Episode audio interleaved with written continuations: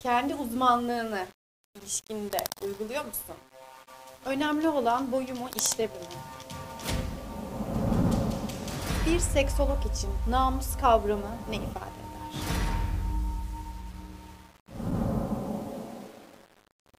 Soramazsın'ın bu bölümünde Rayka Kumru ile beraberiz. Kendisi bir seksolog.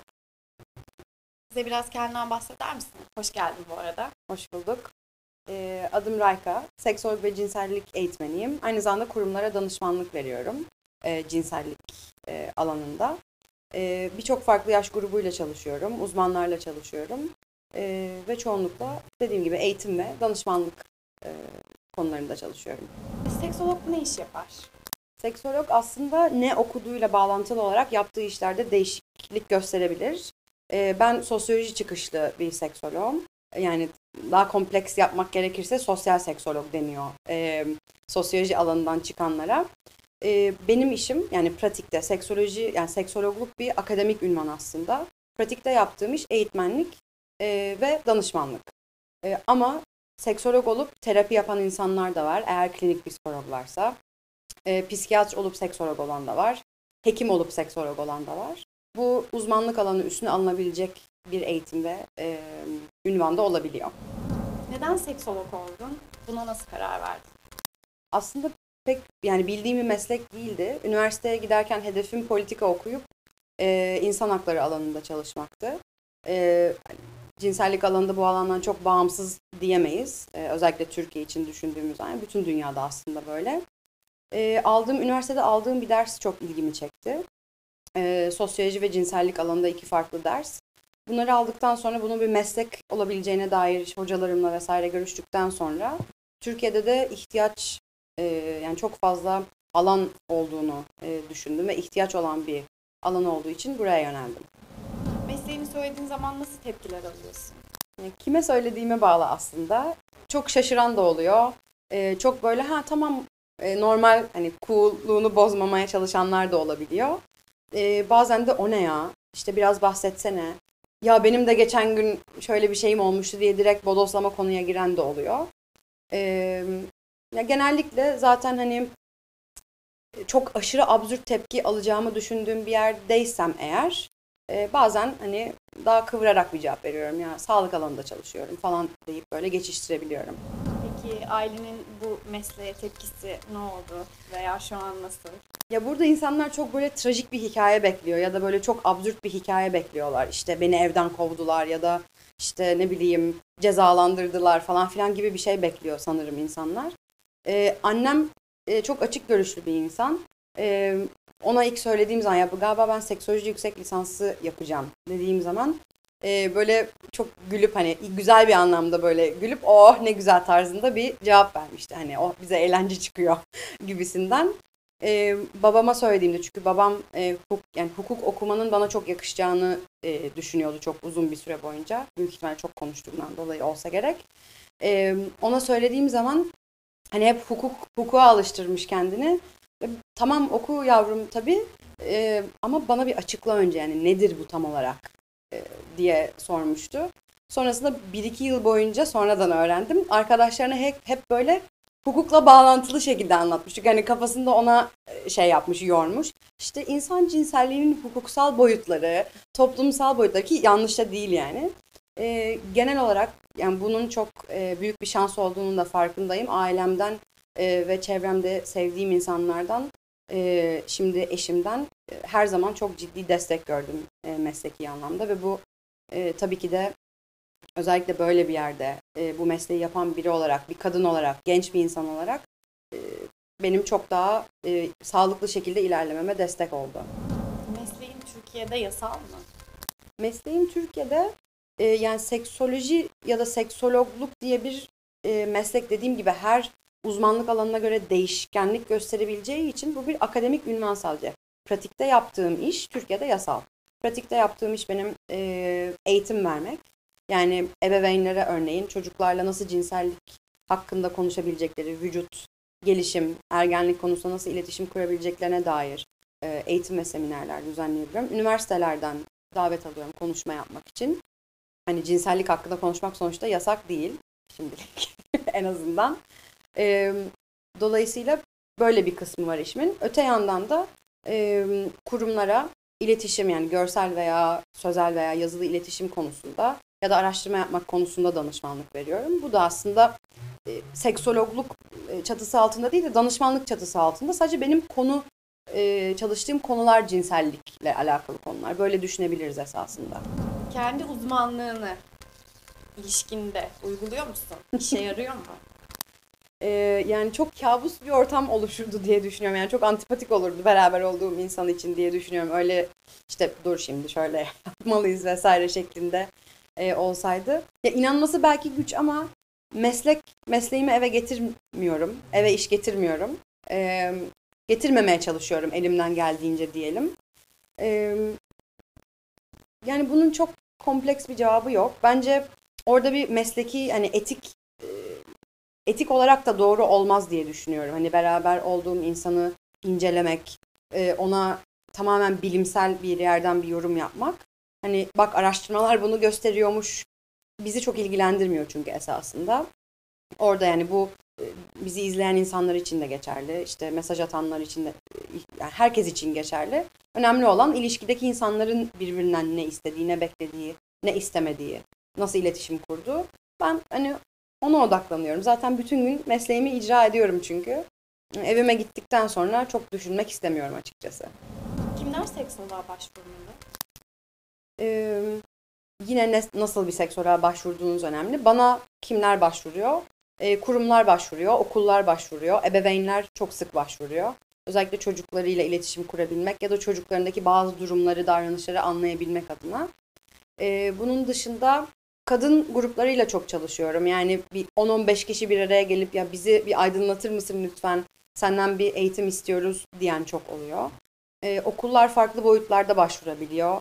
Ee, öğrenci eğitimleri, öğretmen eğitimleri, uzman eğitimleri, ebeveyn eğitimleri ya da e, okul ya da kurumların e, kökten bir değişime gitmek istiyorsa örneğin daha eşitlikçi bir dil kullanmak istiyorsa e, ya da okulda hani görülen bir takım problemler, sıkıntılar varsa e, bunları çözümlemek adına okul rehberlik birimleriyle ortaklaşa yürüttüğüm çalışmalar olabiliyor.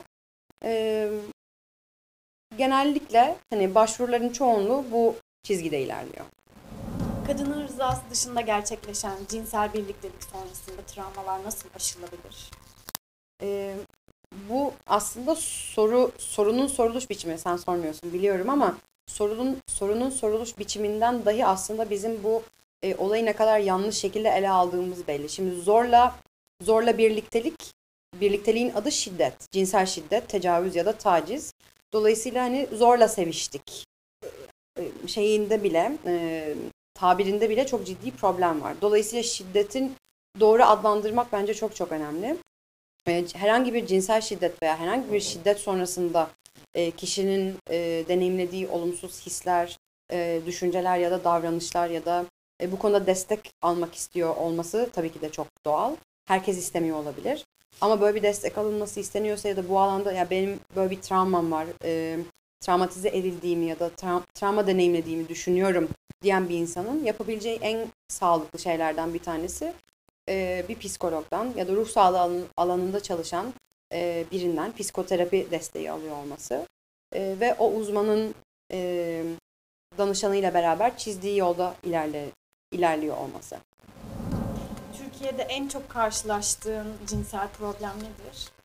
Vajinismusla ilgili sınırsız soru alıyorum. Ee, yine tanı tedavi yapmadığım için sadece bilgilendirme yapıyorum. Hani vajinismus nedir? Çünkü bazen yanlış anlaşılabilen bir şey de olabiliyor. Ee, özellikle cinsellikle ilgili yeterince bilgiye sahip değilse herhangi bir ağrıyı ya da herhangi bir korku ya da çekinceyi otomatik olarak vajinismus olarak etiketleyebiliyor kişi kendinde. E, dolayısıyla bunun ne olduğunu birazcık açıklayıp e, kişinin biraz hani kendini anlamasına destek olmak. Sonrasında da doktor ve e, gerekiyorsa psikoterapi e, desteğiyle hani çöz, çoğunlukla çözümlene, çözümlenebilen bir şey. E, buraya doğru bir yönlendirme e, yapabiliyorum. Bunun dışında erken boşalma, ereksiyon problemleri, erekte olamama, e, orgazm olmama gibi konularda genellikle cinsel disfonksiyonlar, cinsel işlevle ilgili çok fazla soru ve e, işte bu konuda çok desteğe ihtiyaç olduğunu gözlemliyorum. Tabii bu burada şöyle bir konuda var. Evet bunlar cinsel disfonksiyonlar ve psikiyatrinin çok değindiği ve çalıştığı ve tedavi etmek üzere çalıştığı konular. Fakat bunlarla ilgili aslında birçok e, nasıl diyeyim biraz önce anlattığım gibi kendini etiketliyor. Bende erken boşalma var diyor aslında. Erken boşalması yok mesela. Yani erken boşalmıyor.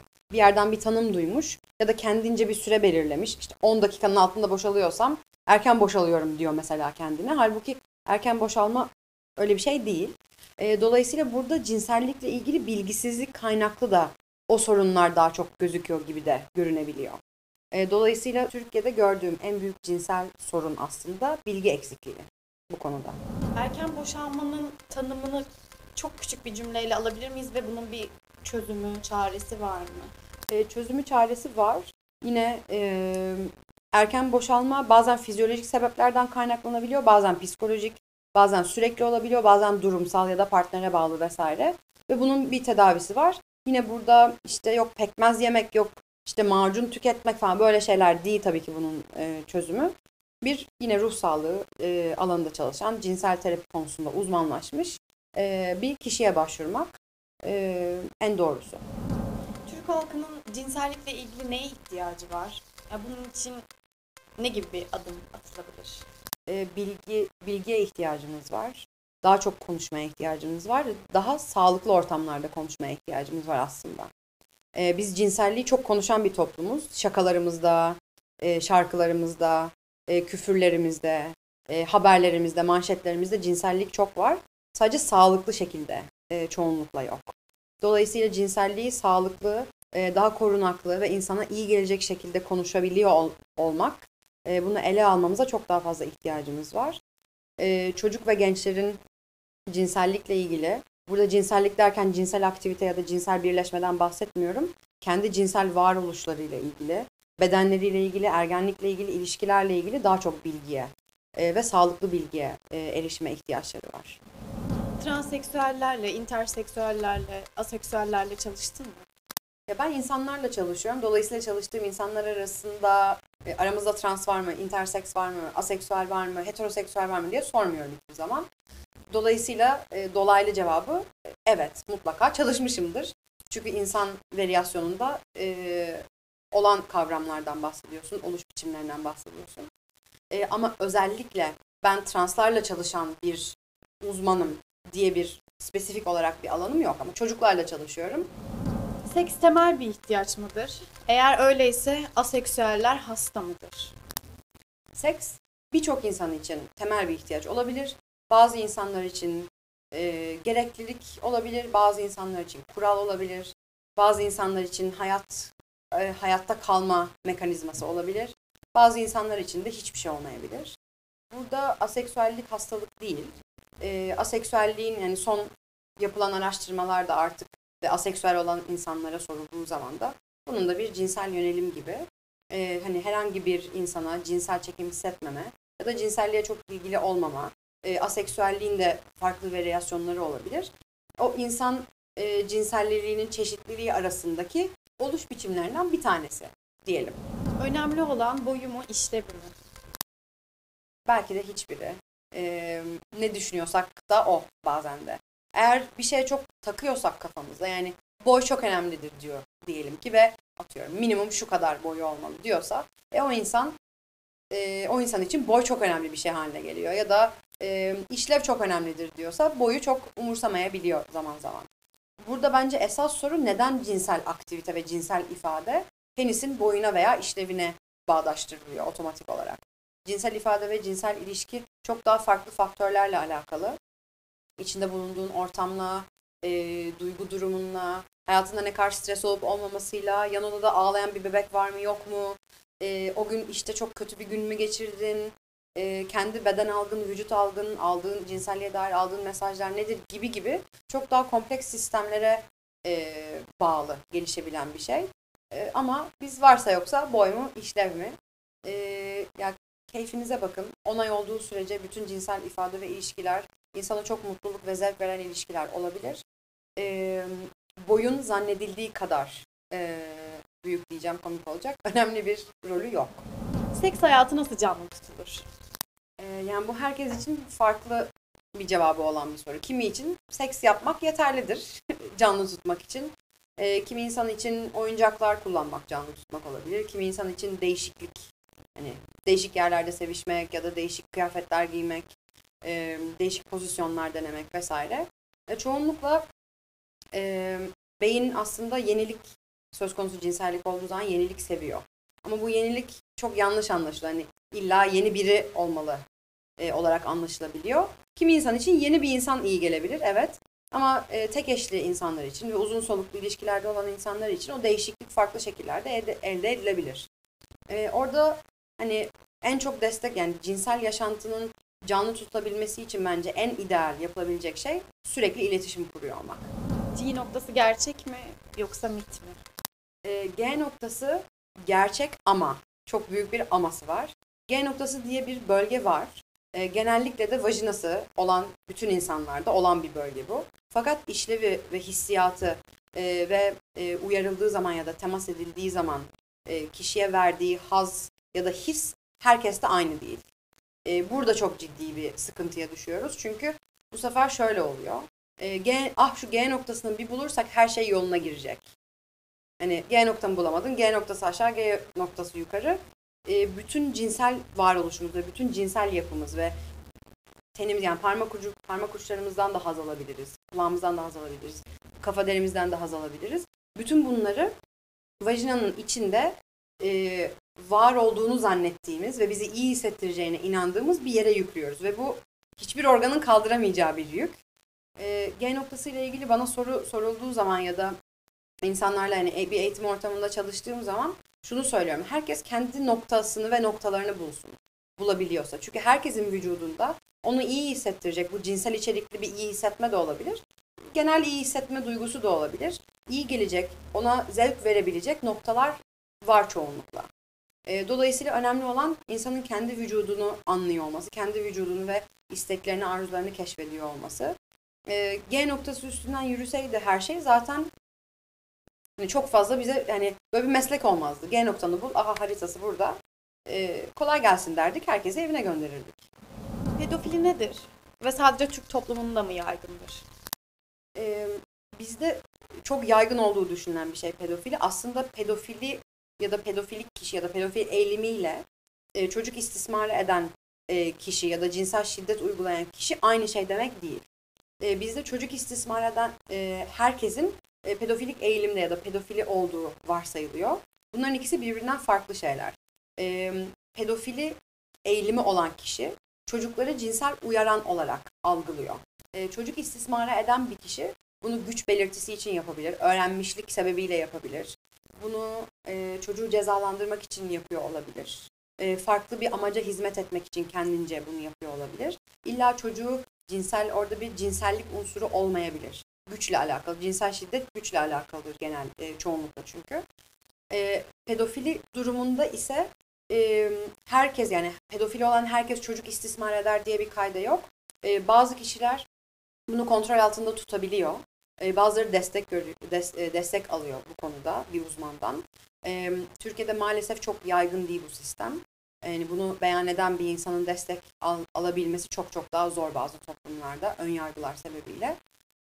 Bazı insanlar bunun ne kadar yanlış bir şey olduğunu anlayıp özellikle çocukların olduğu yerlerden uzak durma, kendini biraz izole etme gibi durumlar içinde kendini bulabiliyor. E, pedofilik bir klinik kavram. Yani bir teşhis aslında. E, çocuk istismarcısı yani ya da çocuk istismar eden insanın e, bu klinik teşhise e, ya da bu e, tabire sahip olmaması çok söz konusu olabilir. Yine bununla ilgili çocuk istismar eden insanlar incelendiği zaman çok az bir oranının pedofilik eğilimi olan insan olduğu ortaya çıkıyor. E, Türkiye'de bunun daha yaygın yani pedofilik eğilimli insanın daha yaygın e, olduğu düşüncesi aslında doğru değil. Evet bizde çocuk çocuğa yönelik cinsel şiddet ve çocuk istismarı birçok ülkeden çok daha yaygın. Bunun sebebi yine güçle ilgili, e, erkeklikle ilgili, geleneksel toplumsal cinsiyet rollerinin bu kadar e, üstümüze e, atılıyor olmasıyla ilgili, aile içinde çocuk ebeveyn arasındaki sınırların net çizilemiyor olmasıyla ilgili, çocukların birey değil, obje veya ebeveynlerin uzantısı olarak görülüyor olmasıyla ilgili, öğrenilmişliklerle ilgili insanların kendi travmalarıyla ilgili ve nokta nokta nokta birçok farklı sebebi olabiliyor. Yani çekici geldiği için değil, Çoğunlukla değil. şiddet eğilimi olduğu Aynen için öyle. yapılıyor. Aynen öyle. En ilginç hastan, vakan nedir? Anlatabilir misin bize bunu biraz? Ee, yani tabii hasta ve e, vaka demek benim durumumda çok doğru değil ama e, yani en yani çok belki ilginç gelmeyebilir izleyenler için ama ne kadar sık gördüğüm bence çok ilginç bu durumları. E, genellikle 2-6 yaş arası çocukların ebeveynlerinden çok çok sık gelen bir istek diyeyim. E, çocuğumu size getirsem e, onun gay olup olmadığını söyler misiniz bana? E, ya da getirsem teşhis koyar mısınız? Çünkü ben ona göre bilmek istiyorum. E, bu çok fazla sık soruluyor. Ya da bu kadar açıkça sorulmasa da işte oğlum okulda bebeklerle oynuyor. Size bir getirip göstersem oğlum ben de neyini göstermek istiyorsunuz diye sorduğum zaman. Yani işte siz siz bilirsiniz, siz söylersiniz bize ne, ne- yapmamız gerektiğini. Yani çocuğunu sev, ötesini de çok fazla sorgulama. Aslında bunun doğru cevabı bu. Seks konusunda en yaygın doğru bilinen yanlış nedir? Birincisi bütün cinsel ilişkilerin e, illa boşalma ya da orgazmla sonlanması gerektiği.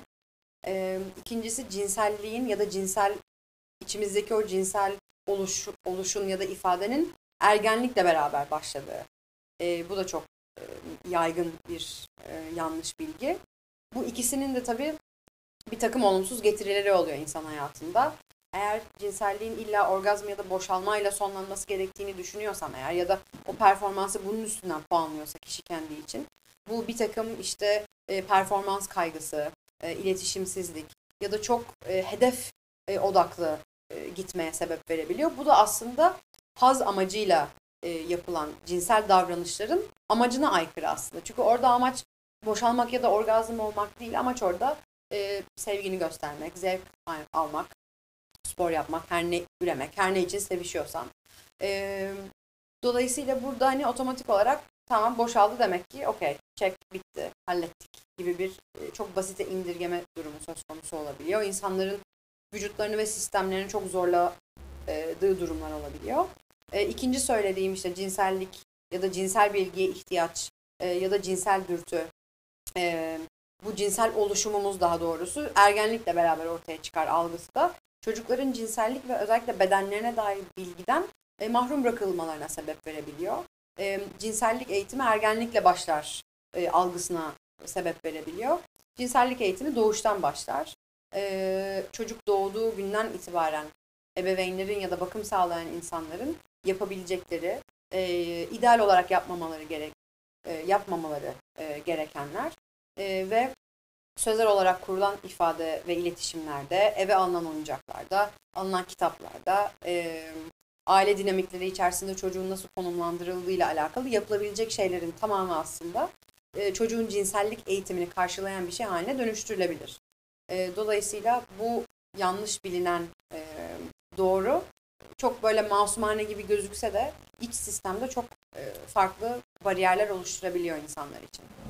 Mastürbasyon konusunda en yaygın doğru bilinen yanlış nedir? e, üreme sağlığını tehlikeye atacağı. E, bu hem yani her cinsiyet için e, geçerli e, hem yani herkesten bu soruyu alıyorum. İleride çocuğum olur mu? E, akıl sağlığını etkiler mi?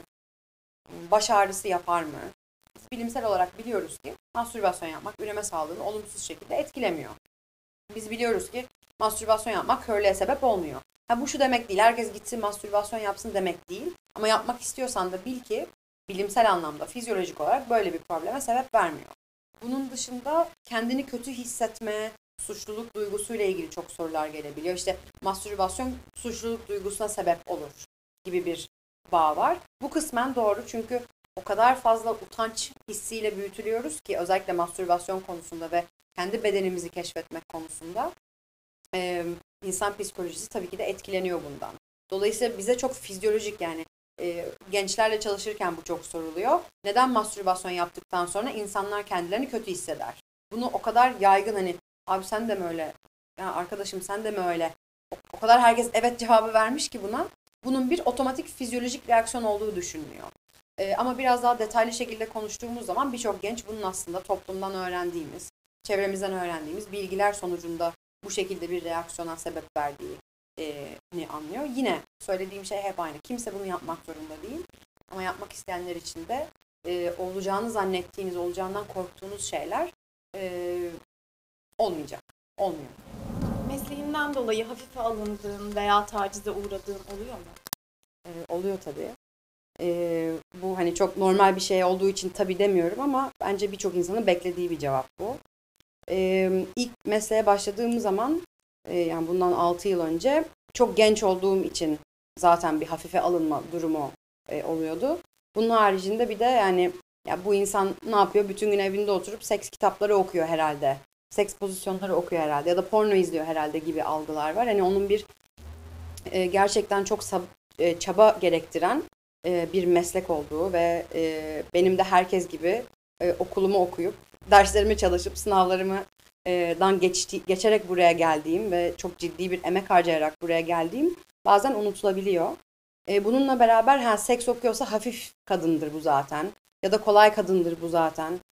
Seks okuyorsa her şeyi söyleyebilirim. Hakkımdır şeklinde bir bakış açısı. Çoğunlukla değil ama nadiren olabiliyor. E, ara ara penis fotoğrafı e, paylaşan oluyor. E, çok hani net bir cevap veresim hani bazen böyle e, öfkeyle ya da ya ne yapıyorsun? E, ben zaten işim bu hani biliyorum neye benzediğini niye bana e, cinsel organını gönderiyorsun? diyesim geliyor. Ama bunun yerine e, orada biraz kişiden yani bu Rayka'ya gelmiyor. Bu seksolog olduğu için bir insana atılıyor ve bu bir cinsel şiddet ve bunu benim bu insana hatırlatmam gerekiyor şeklinde böyle bazen hani kişiselle profesyonel arasında e, karmaşık bir yerde de e, olabiliyorum. E, bunun dışında e, çok profesyonel gözüken alanlarda bazen kendini çok komik zanneden ya da kendini çok havalı zanneden insanlardan e, böyle laf arası çok uygunsuz yorumlar ve şaka tırnak içinde tabii e, şakalarda geldiği oluyor. Yani susup yok saymak hiçbir zaman ideal bir tavır değil kesinlikle. Bir şekilde bunun doğru olmadığını mümkün elimden o anda mümkün olduğu kadar söyleyip hissettirmeye ya da gerekli cevabı vermeye e, çalışıyorum tabii ki. Yani biz muaf değiliz bunlardan. Hatta e, daha çok bile şey olabiliyor dediğim gibi hani hakkım benim zaten. Seksoloji okuduysan gelecek yorumları da hak ediyorsun. Ya bu aynısı kadınsan, gece dışarı çıktıysan başına gelecekleri hak ediyorsun. İşte eşcinselsen başına gelecekleri hak ediyorsun gibi gibi. Hani seksologlara özel bir bakış açısı değil bu. Genel e, maalesef toplumumuzda olan bir bakış açısı. Bir seksolog için namus kavramı ne ifade eder? Namus kavramı toplumun belli gruplar üstünde kontrol ve güç e, sahibi olmaya devam edebilmesi için e, aslında uydurduğu yani yap, yaptığı, oluşturduğu bir kavram. E, çok fiziksel şekilde hayat bulduğuna inanılıyor. Genellikle işte e, zar, vajina içinde olduğu, herkeste olduğu zannedilen e, zar, e, fiziksel, bedende hayat bulduğu düşünen bir şey namus ya da belli davranışlarla hayat bulduğu düşünen bir şey. Benim adıma tabii ki de yani bir e, kadın olarak ve bir seksolog olarak e, bunu çalıştığım toplumdaki gerçekliğiyle ve anlamıyla ele alıyor olmak çok çok önemli. Çünkü ya namus uydurma bir şeydir, boş ver konuşmaya gerek yok demek realistik bir bakış açısı değil. Çünkü namus bizde önemli. E, ama neden önemli? E, namusun ne olduğu zannediliyor. Bunu biraz açmak, bunun birazcık üstüne gitmek e, bence çok önemli. Ama tanımlamak gerekirse namus sonuçta fiziksel e, bir gerçekliği olan bir şey değil. E, toplumun dediğim gibi belli gruplar üstünde kontrol sağlamak üzere e, icat ettiği ve oluşturduğu bir e, kavram.